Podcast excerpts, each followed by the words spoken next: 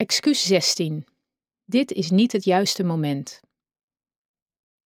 Als je wacht op het perfecte moment, zodat alles veilig en zeker is, loop je kans dat het nooit zal gebeuren.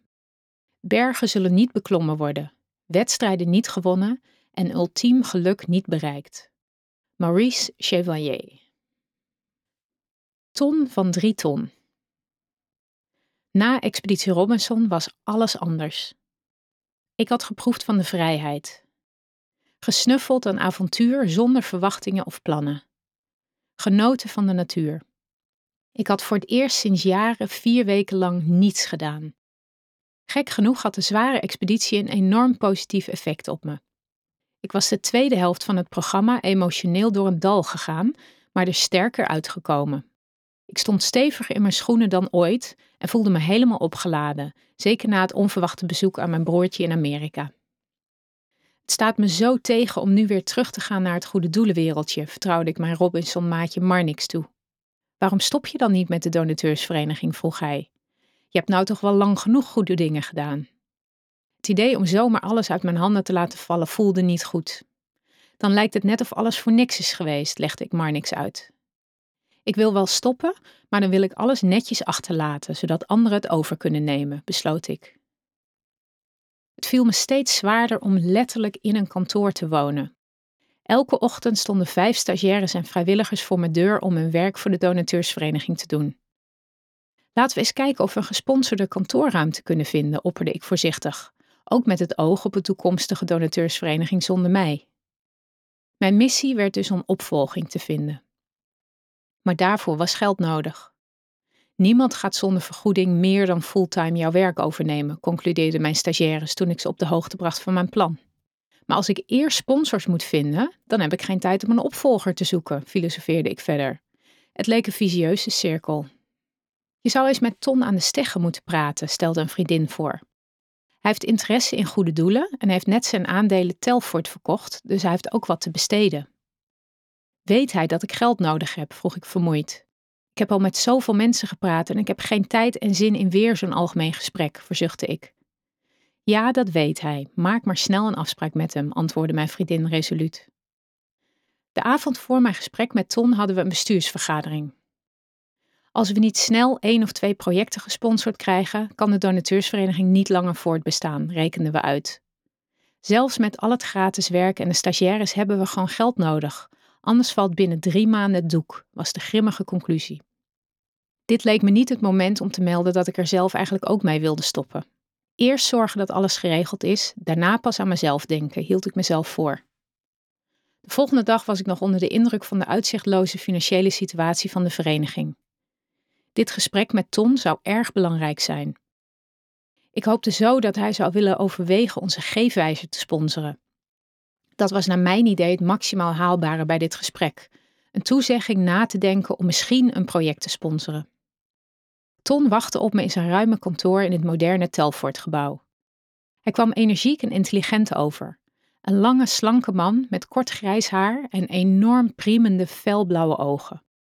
We praten een paar minuten over koetjes en kalfjes. Zo, Esther, vertel eens wat over jezelf, viel hij even later met de deur in huis. Ik had al veel van dit soort gesprekken gevoerd. Ik gaf een korte samenvatting van mijn achtergrond en draaide toen heel handig naar de donateursvereniging.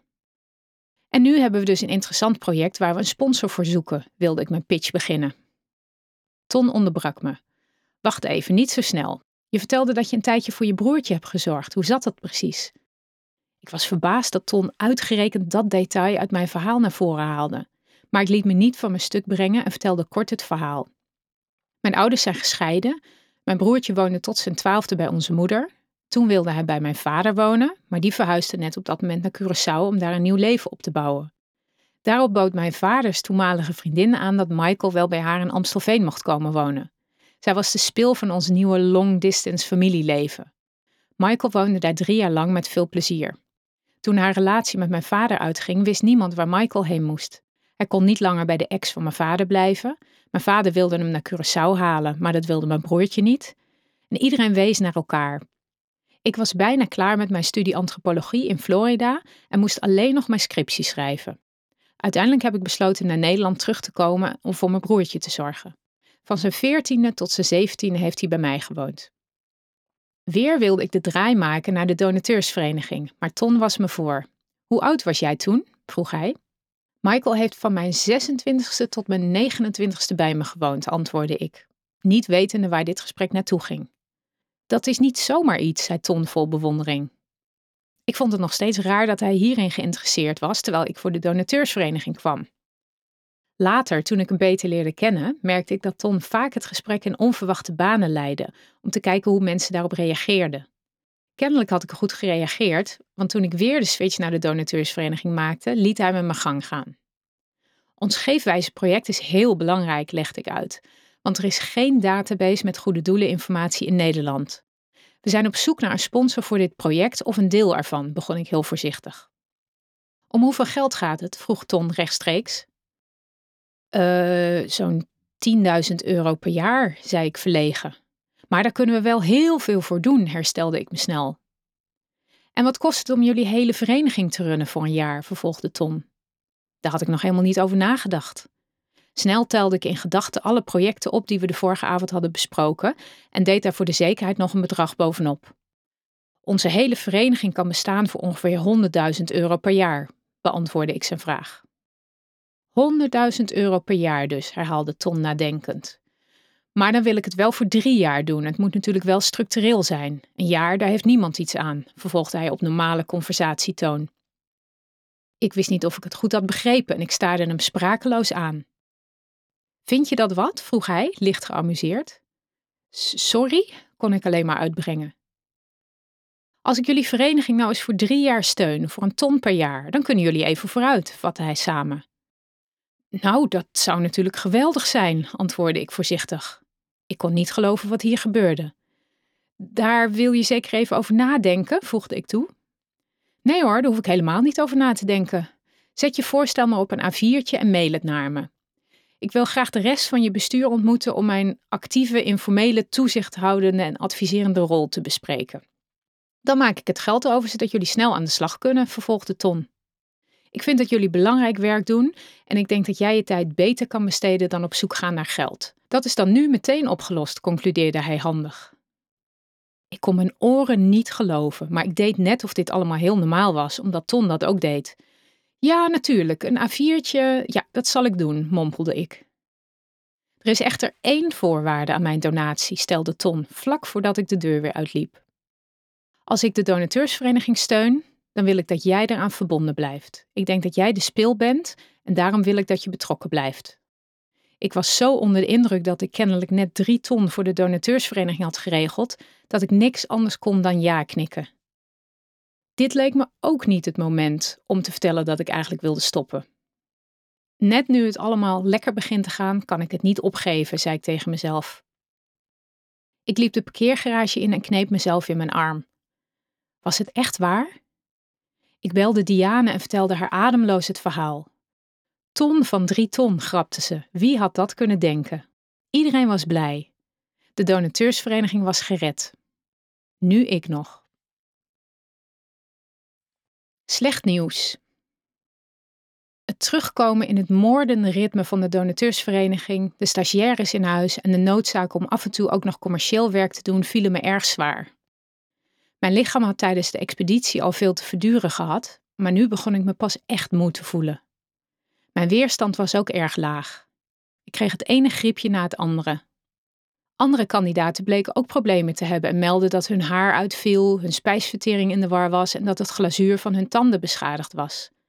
De meeste waren aan antibiotica.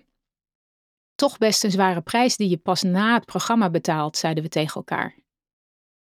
Tijdens een routinecontrole ontdekte mijn dokter dat ik een verhoogd risico op baarmoederhalskanker had.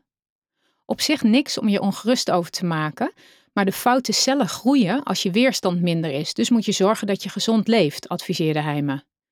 Oeps, dat was schrikken. Wat zei je ook alweer over weerstand? Ik heb een kantoor voor de donateursvereniging gevonden, meldde een van de vrijwilligers op een dag trots. Dat was nog eens goed nieuws. Vertel eens, reageerde ik enthousiast, maar nog een beetje ongelovig. Nou, ik ken iemand van tennis en die kent weer iemand met een incassobureau en kennelijk is daar op kantoor ruimte voor ons, was het antwoord. Als ik jullie op die manier kan helpen, kleine moeite, zei André Groot met een gulle lach toen hij ons het kantoor liet zien. We vinden het trouwens wel gezellig om zo'n stel dames in de buurt te hebben, voegde hij daar met een knipoog aan toe. Het kantoor had alles wat we maar konden wensen en was vlakbij het openbaar vervoer voor de stagiaires. Het was voor iedereen een opsteker dat de stagiaires en vrijwilligers dit zelf hadden geregeld, zonder mijn hulp. Een paar weken later verhuisde de donateursvereniging. Het was heerlijk om voortaan thuis te komen in een normaal huis, zonder overal bureaus, computers en andere kantoorspullen. Eindelijk een beetje rust. Er gebeurde iets raars toen bekend werd dat we geld hadden. Sommige vrijwilligers wilden ineens betaald krijgen voor hun werk. Een aantal sponsors wilden plotseling als normale leveranciers hun kosten vergoed hebben en bedrijven begonnen te bellen met allerlei commerciële aanbiedingen. Welkom in de wereld van het geld, lachte Tom toen ik hierover klaagde. Ik zie regelmatig dollartekens in ogen verschijnen als mensen horen wie ik ben, biechte hij op. Ik was juist de omgekeerde situatie gewend en had het er moeilijk mee. Natuurlijk snap ik dat je al die tijd als vrijwilliger hebt geholpen en nu voor de keuze staat om een betaalde baan te zoeken of de donateursvereniging om een vergoeding te vragen, zei ik toen mijn bureaumanager een bescheiden salaris vroeg. Zij was mijn belangrijkste steun en toeverlaat. Ik wilde haar niet kwijt, stel je voor dat ik alles weer alleen zou moeten doen. Eigenlijk bevond ik me in een vergelijkbare situatie, realiseerde ik me. Met het bestuur en Ton besprak ik dat ik een maandelijkse vergoeding zou krijgen. Zo kon ik in ieder geval mijn vaste kosten dekken, zonder de verplichting en stress om steeds betaald werk te moeten zoeken. Toen we na een paar maanden aan het rekenen sloegen, bleek dat de donateursvereniging ongeveer evenveel kon doen als voor de gift van Ton. Het enige verschil was dat nu een aantal mensen betaald kreeg. Uiteindelijk waren we dus niet echt opgeschoten. Er was geen budget voor een geschikte vervanger voor mij. Voor het bedrag dat jij als vergoeding krijgt, zou alleen een net afgestudeerde misschien geïnteresseerd zijn, maar die zou het niet aankunnen, vatte onze penningmeester de situatie samen. Regelmatig liet ik mezelf checken bij mijn dokter. Het aantal foute cellen loopt helaas op, was zijn conclusie. Je moet echt rustig aandoen, je lichaam de tijd geven zich te herstellen, raadde hij me aan. Stress veroorzaakt meer foute cellen. Als het er niet snel minder worden, moeten we operatief ingrijpen, besloot hij dringend. Dat veroorzaakte nog meer stress bij mij. Het gevecht. Ik dacht aan Judith, de vrouw van Kluun, voor wie ik ooit een project had gedaan. In die periode was net bekend geworden dat ze ongeneeslijk ziek was. Toen we op een dag samen naar een borrel liepen en zij moest rusten op de trap, vroeg ik hoe het met haar ging. Weet je, ik ben 36 en ik weet dat ik nooit 37 zal worden, verzuchtte ze met een berusting en kracht die me ontroerde. Ik vind het alleen zo erg voor mijn dochtertje en voor Raymond, voegde ze daar nog aan toe. Dat moment maakte een diepe indruk op me. Ik vroeg Marnix hoe hij zich had gevoeld toen bij hem kanker werd geconstateerd. Hoewel mijn situatie niet zo ernstig was, haalde ik kracht uit het boek van Lance Armstrong dat Marnix me aanraadde. Alles is mogelijk. Ze kunnen je vertellen dat je 90% kans hebt, of 50% kans, of 1% kans, maar je moet blijven geloven, je moet vechten, zegt Armstrong over zijn ziekte. Ik at zo gezond mogelijk, slikte veel vitaminepillen, probeerde te sporten en veel te slapen. Maar van de stress kwam ik niet af. Ik heb het idee dat ik moet kiezen tussen mijn verantwoordelijkheidsgevoel en mijn gezondheid, vertelde ik Marnix tijdens een van onze vele lange telefoongesprekken. Esther, je gezondheid is het allerbelangrijkste, zei hij. Je wilde toch al stoppen met de goede doelen, Laat dit een stok achter de deur zijn om het echt af te bouwen en je niet steeds mee te laten slepen, zei hij wijs. Zijn woorden bleven in mijn hoofd spoken. Ik besloot alles te overdenken tijdens een lange wandeling naar het beroemde Santiago de Compostela. Het voelde heerlijk om mijn hoofd leeg te maken. Helaas kreeg ik na vier dagen een blessure aan mijn voet. Die werd zo dik dat hij niet meer in mijn schoen paste. Ik vloog terug naar Nederland, maar artsen konden niks vinden. Misschien is er een bordje gescheurd, zeiden ze. Daar kunnen we niks aan doen, alleen rust adviseren. Dus doe het rustig aan, besloten de artsen. Ik werd helemaal gek. Die boodschap hoorde ik steeds vaker. Mijn lichaam vertelde me dat ik het rustiger aan moest doen, moest stoppen met rondrennen. Maar ik kende niet anders. Moet ik dan opgeven? Alles uit mijn handen laten vallen? En de stagiaires dan die ik onlangs hun eerste baan heb aangeboden? En Tom die net de vereniging heeft gesponsord? En al die goede doelen en donateurs met vragen. legde ik een aantal goede vrienden voor. Niemand had antwoorden, maar iedereen was bezorgd. Waarom vertel je niet gewoon tegen iedereen dat je vanwege je gezondheid moet stoppen? stelde ze voor. Maar ik had zelfs mijn familie niet ingelicht om ze niet ongerust te maken. En wat de donateursvereniging betreft wilde ik niet het idee geven dat ik uit zwakheid stopte. Ik kon de betrokken partijen niet laten vallen. Ik had toch al besloten dat ik mijn betrokkenheid af wilde bouwen. Er waren genoeg argumenten zonder mijn gezondheid te hoeven noemen. Dat was meer mijn persoonlijke stok achter de deur. Nog even volhouden, die paar weken maken ook niet meer uit, hield ik mezelf voor. Niet nu. In de zomervakantie van 2006 vloog ik met een vriend naar West-Canada. Daar kampeerden we vier weken in de natuur, kajakten we tussen de orka's en genoten we van de prachtige omgeving en de vriendelijke mensen. Ik probeerde bewust tot rust te komen, checkte geen e-mail en sloot me af zodat ik me op kon laden voor de laatste maanden die ik nodig dacht te hebben om de donateursvereniging netjes achter te laten. Op een ochtend ontving ik een sms'je van een vage kennis uit Nederland. Esther, ik sta achter je hoor, sterkte. Ik vroeg me af waar dit over ging. Vlak daarna schreef een bekende die ik lang niet had gezien of gesproken: Wat vervelend voor je, laat me weten als ik iets kan doen. Zo volgden er nog een paar berichtjes. Dit klinkt serieus. Ik ga naar een internetcafé kijken wat er aan de hand is, zei ik tegen mijn vriend. Via de tergend langzame verbinding werd me stapje voor stapje duidelijk wat er aan de hand was. Er schijnt een of ander artikel verschenen te zijn, vertelde ik mijn bezorgde vriend. Het bleek dat Jaap in zijn vakblad Fondsenwerving een kritiek had geplaatst over de donatie van Coins for Care aan de donateursvereniging van al meer dan een half jaar geleden. Nou, dan valt het toch wel mee. Zij bekritiseren toch altijd alles wat je doet, probeerde mijn vriend me gerust te stellen. Helaas bleek dat de Volkskrant nu op de voorpagina een artikel hierover had gepubliceerd. Geld voor goed doel gebruikt om eigen vereniging te financieren. Zo leek het net of ik geld van goede doelen aan mezelf had besteed. Dat was het eind van mijn rustige vakantie. Vanaf dat moment zat ik aan de computer en telefoon gekleefd om te weten te komen wat er aan de hand was en te kijken wat ik kon doen. Ik overlegde met het bestuur dat flink geschrokken was. Je moet toegeven dat de donatie een fout was, dan ebt het commentaar wel weg, suggereerde iemand. Maar het was een goed onderbouwde beslissing, die we bovendien geheel transparant en open hebben gecommuniceerd, wierp iemand anders tegen. Bovendien sta ik volledig achter de beslissing om het restgeld van Coins for aan de donateursvereniging te schenken, zei ik. Zijn jullie soms vergeten dat een aantal Coins for doelen niet meer bleek te bestaan? En dat de anderen weigerden te vertellen wat ze met het geld hebben gedaan? Onze beslissing het geld dat na de officiële actie binnenkwam aan het bevorderen van transparantie te besteden, is een goede, hield ik vol. Een aantal bestuursleden moet zich zorgen hebben gemaakt over hun eigen positie in de sector. Zo bleef er druk uitgeoefend worden dat ik moest toegeven dat ik fout zat, om daarmee de kou uit de lucht te halen. Ik overwoog een raad op te volgen om van het gezeur en de stress en de foute cellen af te zijn. Maar ik kon het niet. Als ik dat zou doen, dan zou ik afstand nemen van alles waar ik voor sta. Na alles wat ik heb gedaan en meegemaakt, weiger ik te zwichten voor politieke beslissingen, was mijn standpunt. De uitslagen bij de dokter werden slechter en slechter. Hij waarschuwde me opnieuw. Esther, als de uitslag over drie maanden nog zo slecht is, moeten we door middel van een operatieve ingreep de foute cellen weghalen. Drie maanden, dat was dus mijn deadline. Bij de volgende bestuursvergadering meldde ik plomp verloren dat ik wilde stoppen. Ik heb het gevoel dat mijn taak erop zit.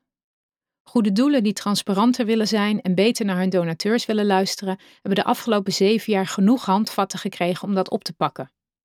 Organisaties die dat niet willen, zullen dat ook niet doen als ik nog eens zeven jaar hetzelfde verhaal vertel, legde ik uit.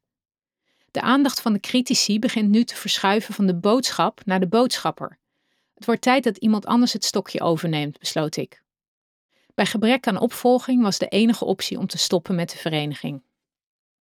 Iedereen probeerde me op te beuren en enthousiast te krijgen om juist wel door te gaan. Ik liet me overhalen. Toen stopte één voor één een paar andere bestuursleden. Zij durven wel voor zichzelf te kiezen, constateerde ik. Zo kwam er nog meer op mijn schouders terecht. Als ik niet steeds die gezondheidswaarschuwingen had gekregen, dan was ik denk ik oneindig doorgegaan met de donateursvereniging. Er was gewoon nooit een goed moment om te stoppen. Altijd zouden mensen en organisaties benadeeld worden. Toch had ik geen keus meer. Het was het niet waard om mijn gezondheid hiervoor op het spel te zetten. Je mag niet stoppen.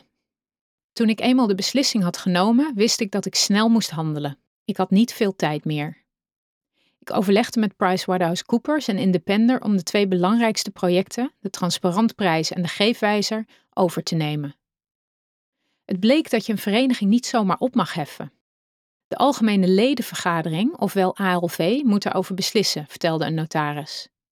Ik organiseerde een ALV om officieel de donateursvereniging op te kunnen heffen. Dit kwam kennelijk zo onverwacht voor een aantal leden dat er protest ontstond. Ze spanden een rechtszaak aan om de ALV ongeldig te laten verklaren. De uitnodiging is niet de reglementaire acht dagen, maar slechts zeven dagen en 23 uur van tevoren verstuurd, was het argument. Ondertussen werd op verzoek van enkele leden een werkgroepje ingesteld om mogelijkheden voor een doorstart van de donateursvereniging te onderzoeken. De werkgroep viel na enkele dagen ruziend uit elkaar en ook de volgende werkgroep kwam niet met een voorstel, maar nog mocht de donateursvereniging niet stoppen van de opstandige leden. Ik was de enige met een deadline en had dus haast om de donateursvereniging af te bouwen. Elk uitstel veroorzaakte nog meer stress. Ik had iets doms gedaan. In mijn haast om de donateursvereniging op te heffen, had ik de aardige mevrouw die bij de oprichting van de donateursvereniging 25.000 euro had geschonken, niet persoonlijk op de hoogte gesteld. Ze voelde zich benadeeld en vond gehoor bij het groepje dat de rechtszaak aanspande. Het was vreemd om te merken dat verschillende mensen, ieder om hun eigen persoonlijke reden, nu de strijd met mij aan wilden gaan. De mevrouw die tevergeefs onze hulp had ingeroepen voor haar strijd bij een aantal kleine goede doelen in Brazilië, sloot zich bij het opstandige groepje leden aan. Zij wilde al jaren de adressen van ons ledenbestand en dat onderwerp werd toegevoegd aan de eisenlijst. Een lid dat zich bij de vorige bestuursvergadering verkiesbaar had gesteld en niet was gekozen, sloot zich ook aan. We moesten nu zelfs een advocaat in de arm nemen om de rechtszaak voor te bereiden. Mijn rechtvaardigheidsgevoel protesteerde hevig en mijn stressniveau bereikte ongekende hoogte. Maak het verschil of maak dat je wegkomt. Achteraf gezien heb ik misschien een fout gemaakt door niet mijn zwakte te durven laten zien. Hoe sterker ik me opstelde, hoe meer tegengas er kwam. Sommige mensen wilden me op mijn knieën dwingen. Kennelijk voelden ze dat er iets niet klopte, alleen zochten ze het op het verkeerde vlak. Ik vraag me wel eens af of het verschil had gemaakt als ik had uitgelegd waarom ik ineens zo'n haast had om te stoppen. Was alles anders gelopen als ik mijn kwetsbare kant had laten zien? Maar ik had nou eenmaal besloten dat ik op eigen kracht en zonder medelijden de zaak wilde afbouwen. Ik ben een weg ingeslagen en kan niet halverwege van koers veranderen, vond ik. Als ik nu hiermee kom, dan denken ze dat ik mijn gezondheid als excuus gebruik omdat ik het zelf niet aan kan. Ik ben nu al zo ver, ik moet nog even doorzetten, probeerde ik mezelf te motiveren voor de laatste loodjes. De voorbereidingen en de rechtszaak kosten veel geld, tijd en energie. Ik liep op mijn tandvlees en kon het groepje opstandige leden wel wat aandoen. Bij elke mail, brief of juridische correspondentie zag ik als het ware de foute cellen in mijn lichaam groeien. Om een lang en emotioneel verhaal kort te maken, we wonnen de rechtszaak. De rechter stelde ons helemaal in het gelijk en alle eisen werden ontkracht. We moesten nog een laatste ALV organiseren om de donateursvereniging officieel af te kunnen ronden. Helaas maakten de zes dissidenten daar een soort herhaling van de rechtszaak van. Maar uiteindelijk werd met een meerderheid van stemmen besloten dat de donateursvereniging opgeheven mocht worden. Het voelde echter niet als een overwinning. Ik was op, aan het eind van mijn Latijn. Ik vond het verschrikkelijk voor onze vrijwilligers en de stagiaires.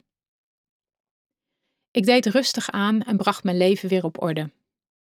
Ik heb het gevoel dat de voorgaande zeven jaar goede doelen gekonkel in al mijn cellen is gaan zitten en dat het er langzaam uitgefilterd moet worden, vertelde ik mijn dokter. Je lichaam heeft inderdaad tijd nodig om te herstellen, beaamde hij. Na twee jaar was ik helemaal clean. Mijn dokter feliciteerde me. De foute cellen zijn verdwenen. Je zult wel altijd aan je weerstand moeten werken en zorgen voor zo weinig mogelijk stress, adviseerde hij ten overvloede. Terugblik. Pas een jaar na het einde van de donateursvereniging kon ik terugkijken naar wat we hadden bereikt, in plaats van gefrustreerd te zijn over de dingen die helaas waren blijven liggen. Geefwijzer en de Transparantprijs lopen nog steeds. Alle stagiaires en medewerkers zijn goed terechtgekomen. De rol van kritische donateur wordt mondjesmaat door de branche, een beetje door de pers en deels door de donateurs opgepakt. Helaas is er nog steeds geen controle, registratie of goede doelenombudsman. De rol van de overheid laat ook nog te wensen over. En ook de vriendjespolitiek kan nooit helemaal worden uitgebannen. Ik heb een belangrijke les geleerd. Nooit zal ik meer zo lang wachten, uitstel accepteren en blijven doorgaan als het niet goed meer voelt. Als je niet op tijd stopt, krijg je signalen, steeds sterker, totdat je je eraan overgeeft.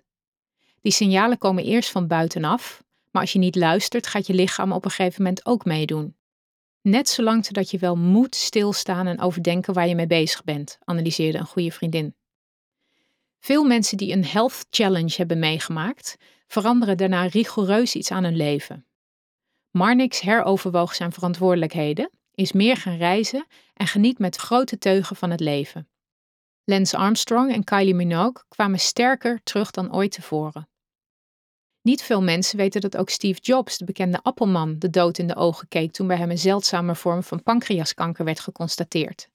Hij zegt daarover: De dood is de allerbeste uitvinding van het leven. Het is de belangrijkste reden voor verandering. Hoewel Steve toegeeft dat niemand graag wil sterven, zegt hij dat de wetenschap dat we op een dag allemaal doodgaan motivatie zou moeten zijn om ons leven zo goed mogelijk te leven. Je hebt maar beperkte tijd dus verspil die niet door iemand anders zijn leven te leiden. Heb de moed om je hart en intuïtie te volgen. Op de een of andere manier weten die al wat je uiteindelijk echt wilt worden.